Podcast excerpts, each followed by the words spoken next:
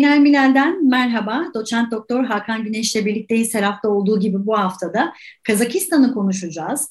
Rusya, ABD güvenlik görüşmelerini konuşacağız. Hakan Hocam nasılsınız? Hoş geldiniz. Teşekkür ederim. Fena değilim. Kazakistan'ı izlerken biraz yorulduk ama Kazak halkımızdan daha çok yoruldu herhalde. Evet. Şimdi o zaman... Evet. Artık daha fazla e, söz var elimizde, e, veri var. Onlar üzerinden herhalde bir değerlendireceğiz. Tamam. Şimdi e, biz Cenevre'ye gideceğiz. E, Rusya-ABD güvenlik görüşmelerini değerlendireceğiz ama öncesinde sizin de söylediğiniz gibi Kazakistan'a bakalım. Çünkü orada da önemli gelişmeler var. E, şimdi bölgede biraz tansiyon durulmuş gibi, tansiyon düşmüş gibi gözüküyor. Ama açıklamalar da ardı arkasına geldi. Kazakistan Dışişleri Bakanlığı'ndan bir açıklama geldi. Mesela orada dendi ki e, özellikle hükümet binalarını yakanlar için e, siyasal e, İslamcı radikalleri işaret etti o açıklama. Putin'in bir açıklaması vardı. İç ve dış e, güçler dedi. Renkli devrime izin vermeyeceğiz dedi.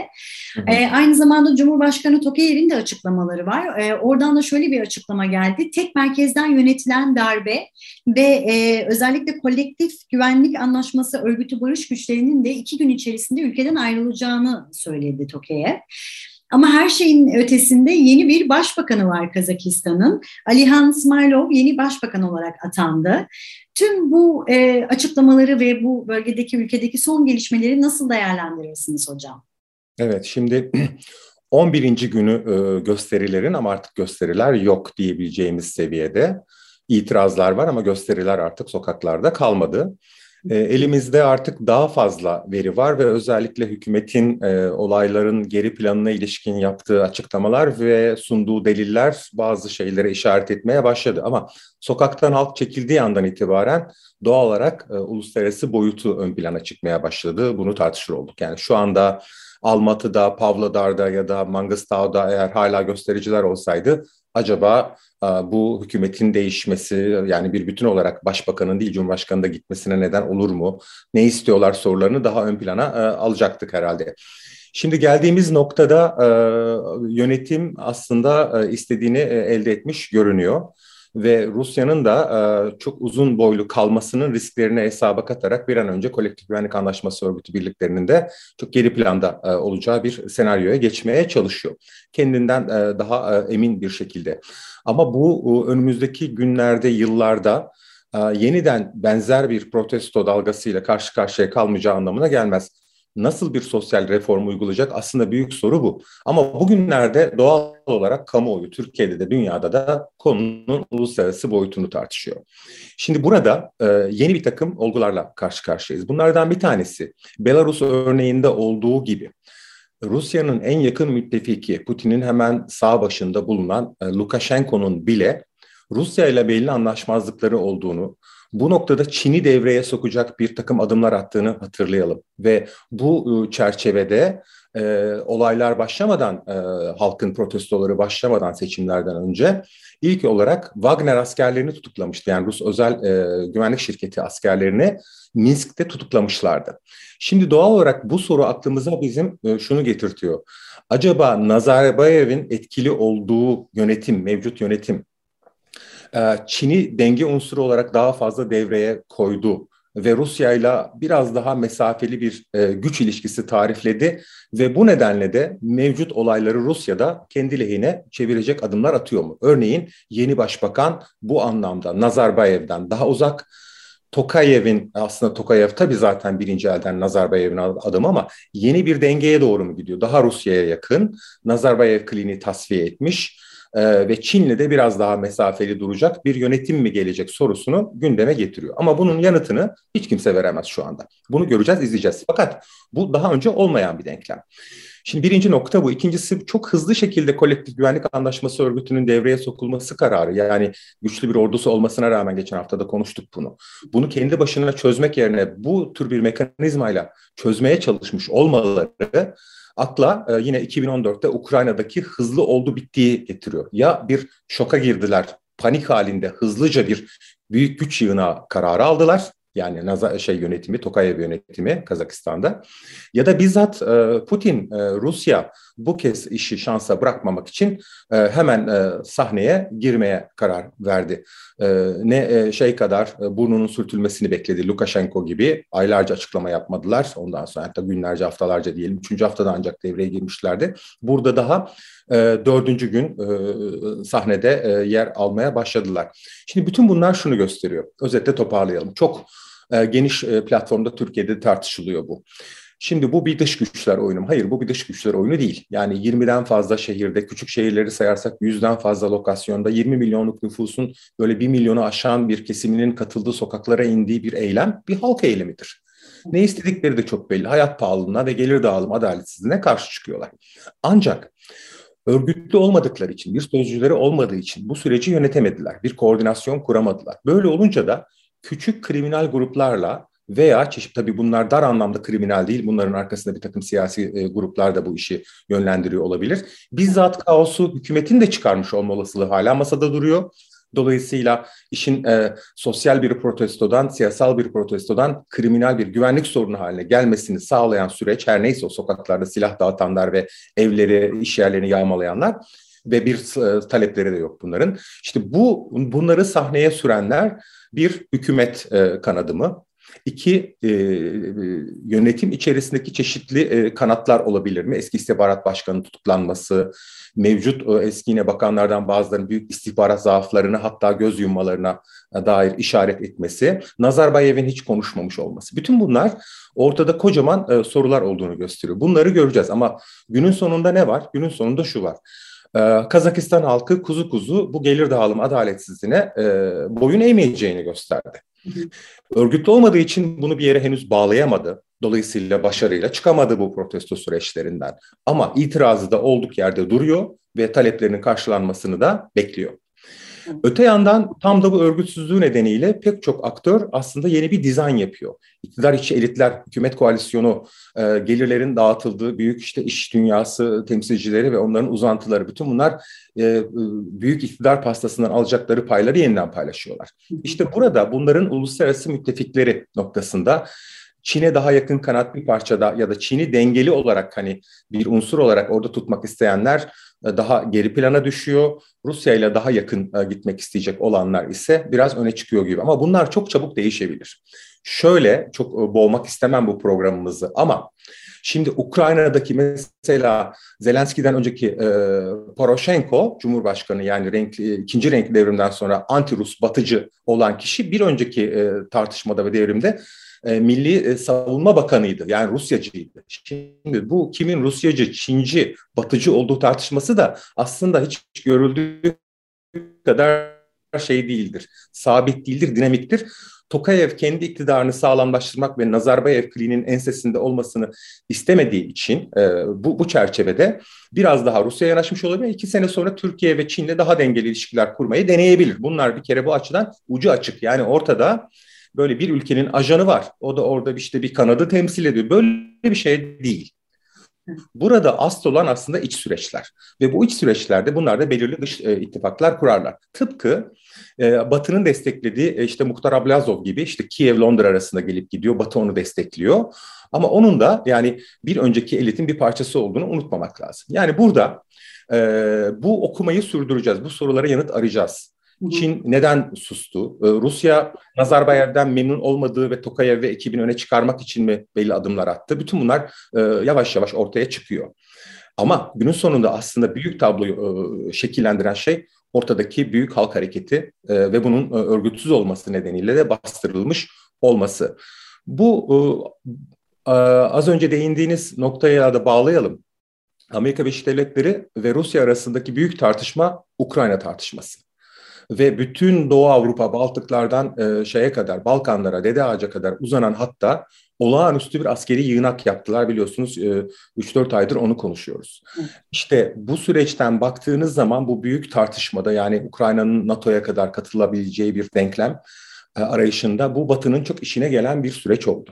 Bunu o yaptı demiyorum ama işine geldi günün sonunda ve bu da aslında Rusya'nın zayıflığını gösterir. Çünkü marifet olayların e, çıktıktan sonra bastırılması değil, çıkmamasını sağlamak ve o süreci yönetebiliyor olmak. Günün sonunda en yakın iki müttefikinizden biri Belarus ve Kazakistan. Kazakistan'da Ukrayna sorunu tartışıyorum derken kocaman bir yara açıldı. Toplumun tamamının desteğini e, almadığı ortaya çıkan bir iktidarla iş yapıyorsunuz. Hatta askerlerinizi göndermek zorunda kaldınız. İşte bunlar zayıflıklar. Bu Batı açısından bakıldığında e, bu süreci büyük tablo açısından bakıldığında Batı'nın bir adım daha önde, biraz daha avantajlı bir konumda e, konuşuyor, konuşuyor olacağını e, gösteriyor.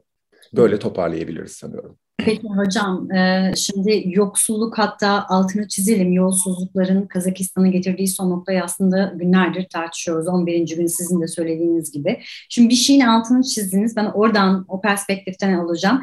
Kazakistan halkı hayat pahalılığını kuzu kuzu e, kabul etmeyecek, buna boyun eğmeyecek dediniz.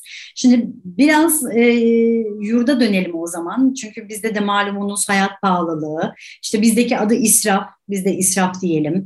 TÜİK'in açıkladığı işsizlik rakamları ve hatta onun da ötesinde e, gelecekten umudu kalmamış üniversite öğrencilerinin intiharlarını konuşuyor bugün Türkiye. Şimdi bu perspektiften baktığınızda e, Türkiye, Kazakistan'da yaşanan bu olaylardan nasıl bir ders çıkarmalı hocam? Şimdi işin tabii iki tane boyutu var. Bir, kocaman bir isyan. iki sonuca ulaşmamış bir isyan. Sonuca ulaşmamış olmasından hareketle bunun e, bu tür e, tepkiler vermeyi düşünen bireylerin e, ne diyelim moralini düşürdüğü söylenebilir. Kaygılandırdığı söylenebilir. Ama Türkiye'nin Kazakistan'dan farklı olarak çok ciddi muhalefet partileri var, sendikaları var, kadın hareketi var, temsilcileri var, sözcüleri var. Kendi içinden e, demokratik mekanizmalarla sözcüler yaratabiliyor. Siyaseten çok parçalı ama güçlü bir e, toplumsal e, taban muhalefeti var Türkiye'de. Türkiye o açıdan e, daha farklı ama Türkiye de e, kolay kolay isyan eden bir ülke değil. Yani e, sokağa çıkma dinamikleri hem baskıyla bastırıldığı için bir de çok özel bir moment yaşıyoruz. O moment şu, seçimle gidecek mi bu iktidar tartışmasında muhalefetin önemli bir kısmı halkın muhalif olan kesimleri bir kaygı yaşıyor. Bir tür kaos çıkar, çıkabileceği, ve bunu bizzat iktidarını isteyeceği ve böylelikle seçimleri erteleyeceği, kaybedeceği seçimleri yapmayacağı düşüncesi Fısıldı gazetesiyle ya da her gün aslında fısıltıda değil konuşulan konu. Şimdi bu tabii e, bu nedenle de çok önemlice bir kısım muhalefet liderleri bunu dile getiriyor ama büyükçe bir kısım açısından da biraz daha sabredelim e, anlayışı var. Bu faktör e, Türkiye'deki hayat pahalılığının sokaklarda belirgin ve kitlesel olarak protesto edilmesinin aslında önünde bir engel. Tabii bu büyük bir tartışma var. Yani bu doğru bir yöntem mi? E çünkü e, burada sözünü söyleyemezseniz yarın sandığı e, savunurken de e, başka zorluklarla karşılaşabilirsiniz. Sokak illa kaos demek değil. Tam tersine sokak aslında ne kadar disiplinli bir basınç uygulama aracı e, olarak kullanılabilir. Bunun aslında ortaya konması gerekir. Ama özetle Kazakistan'a baktığımız zaman e, Türkiye'deki muhalefetin e, evet bakın işte kontrolsüz süreçler olabilir. Dolayısıyla da e, sandığı bekleyelim anlayışına biraz su taşıdığı söylenebilir. Evet. Ama halk günün sonunda Kazakistan'da olduğu gibi şöyle düşünün. Yani eh yeter deyip intihar ediyor çocuk. Yani o tabii hayat pahalı tek başına değil ama ne kadar üzücü tabii yani insanın e, boğazı düğümleniyor. Bir şey söyleyemiyoruz. E, o kadar güzel bir çocuk ki yani gerçekten şeyimiz bitiyor. Bir çocuğun ölmemesi için sokakların dolması lazım. Yani yeter demesi lazım. Çocuklarımız işte yangınlarda ölüyorlar, o yurtlarda kalanlar, Aladağ'da olduğu gibi. İşte böyle intihar ediyorlar. Üç saat kendine nefes alamamış, sürekli bir takım e, dini baskılar altında yaşayan bir çocuk, aile, cemaat, devlet.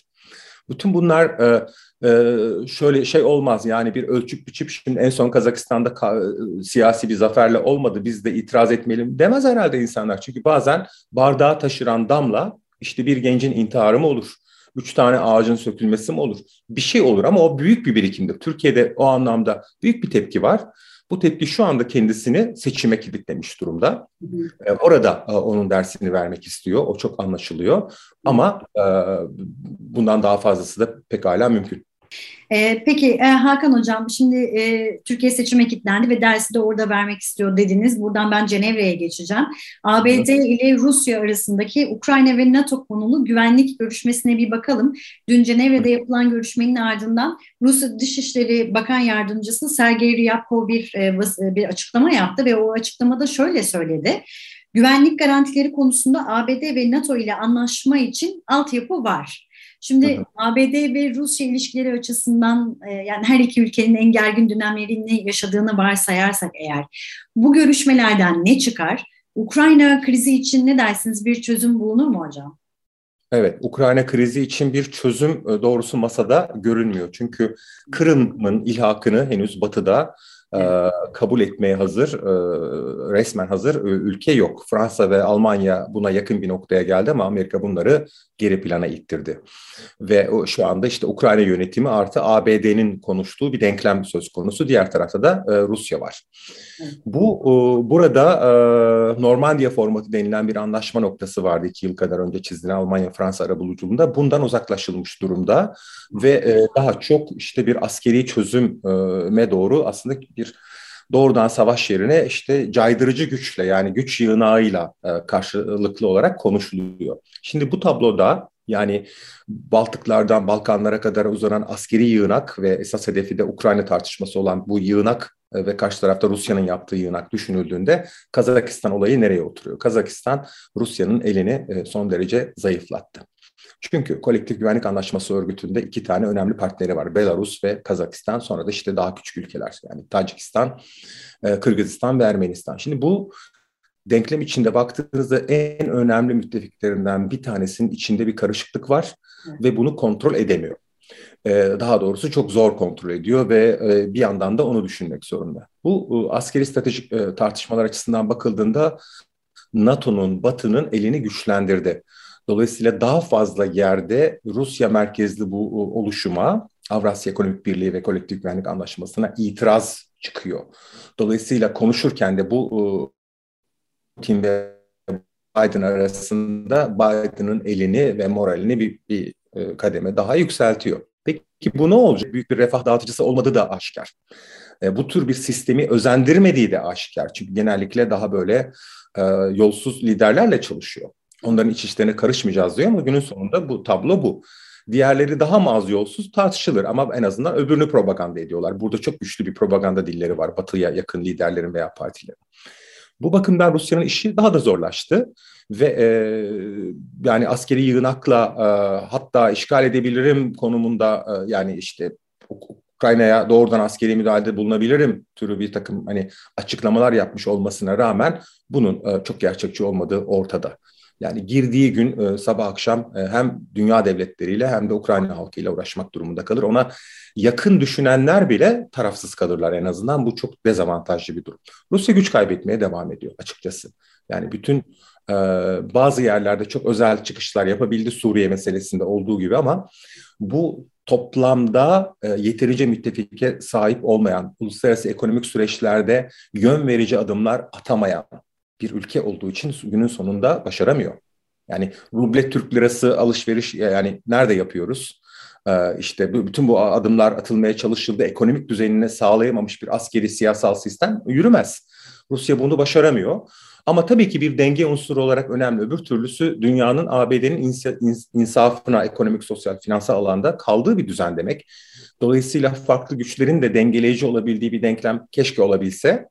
Ee, ama bu e, maalesef e, çok çatışmalı ve daha çok ülkeyi silah pazarına iten e, son derece e, olumsuz bir formatta gidiyor. Ancak bunun daha barışçıl dinamiklerin öne çıktığı, müzakere ve diplomasi yolunun önünün açıldığı bir denklemle çözülmesi mümkün.